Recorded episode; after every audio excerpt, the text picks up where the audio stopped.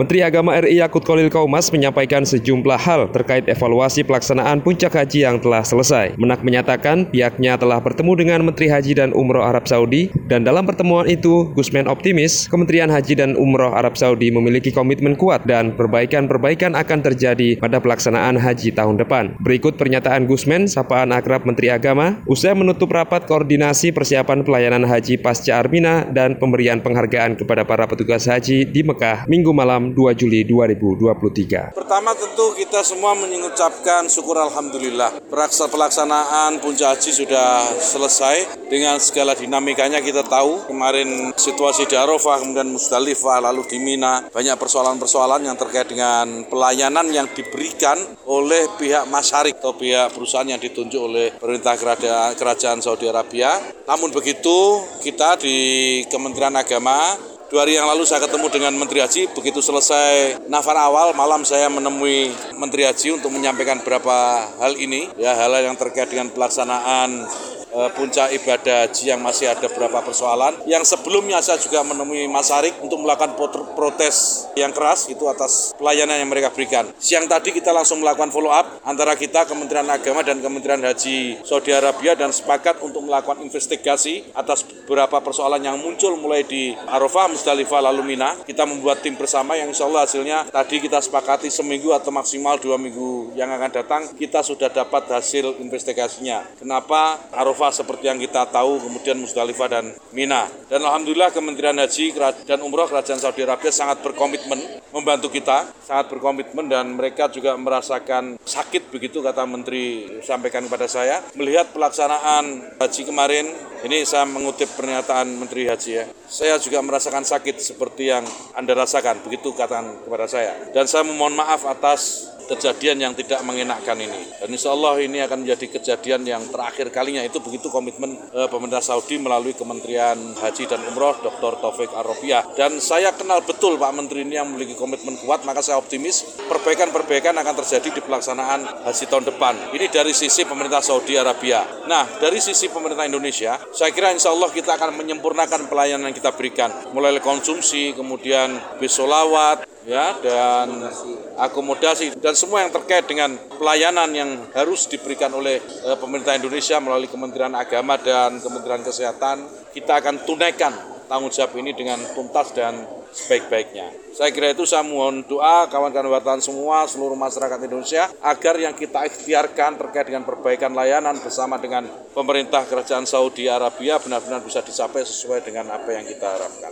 Kemarin ketika saya bertemu dengan Menteri Haji, di saat itu juga diumumkan kuota haji kita. Mereka sudah berikan kuota haji kita sama dengan tahun lalu 200 sama dengan tahun ini 221 ribu kuota haji kita yang ini harus selesai proses administrasi dan pembayarannya itu bulan Maret tahun depan semua harus selesai semua termasuk proses kontraknya segala macam selesai di bulan Maret tahun depan dan haji gelombang pertama insya Allah berangkat di bulan April ya, akhir April. Nah artinya akan waktunya akan sangat panjang untuk melakukan persiapan dan mudah-mudahan ini juga bisa memberikan pelayanan terbaik untuk jamaah haji. Ada beberapa perubahan, ya ada beberapa perubahan yang diterapkan oleh pemerintah Saudi. Salah satunya adalah posisi maktab yang kemarin kita tanyakan. Saya tanyakan ke Menteri Haji, saya minta perubahan. Maktab Indonesia selalu dikasih posisi yang jauh dari tahun ke tahun di Mina ya tidak ada perubahan kecuali tahun lalu tahun lalu bisa agak lebih dekat karena zamannya cuma separuh ketika zamannya kembali normal Indonesia kembali dapat maktab yang paling jauh pemerintah Saudi melalui Menteri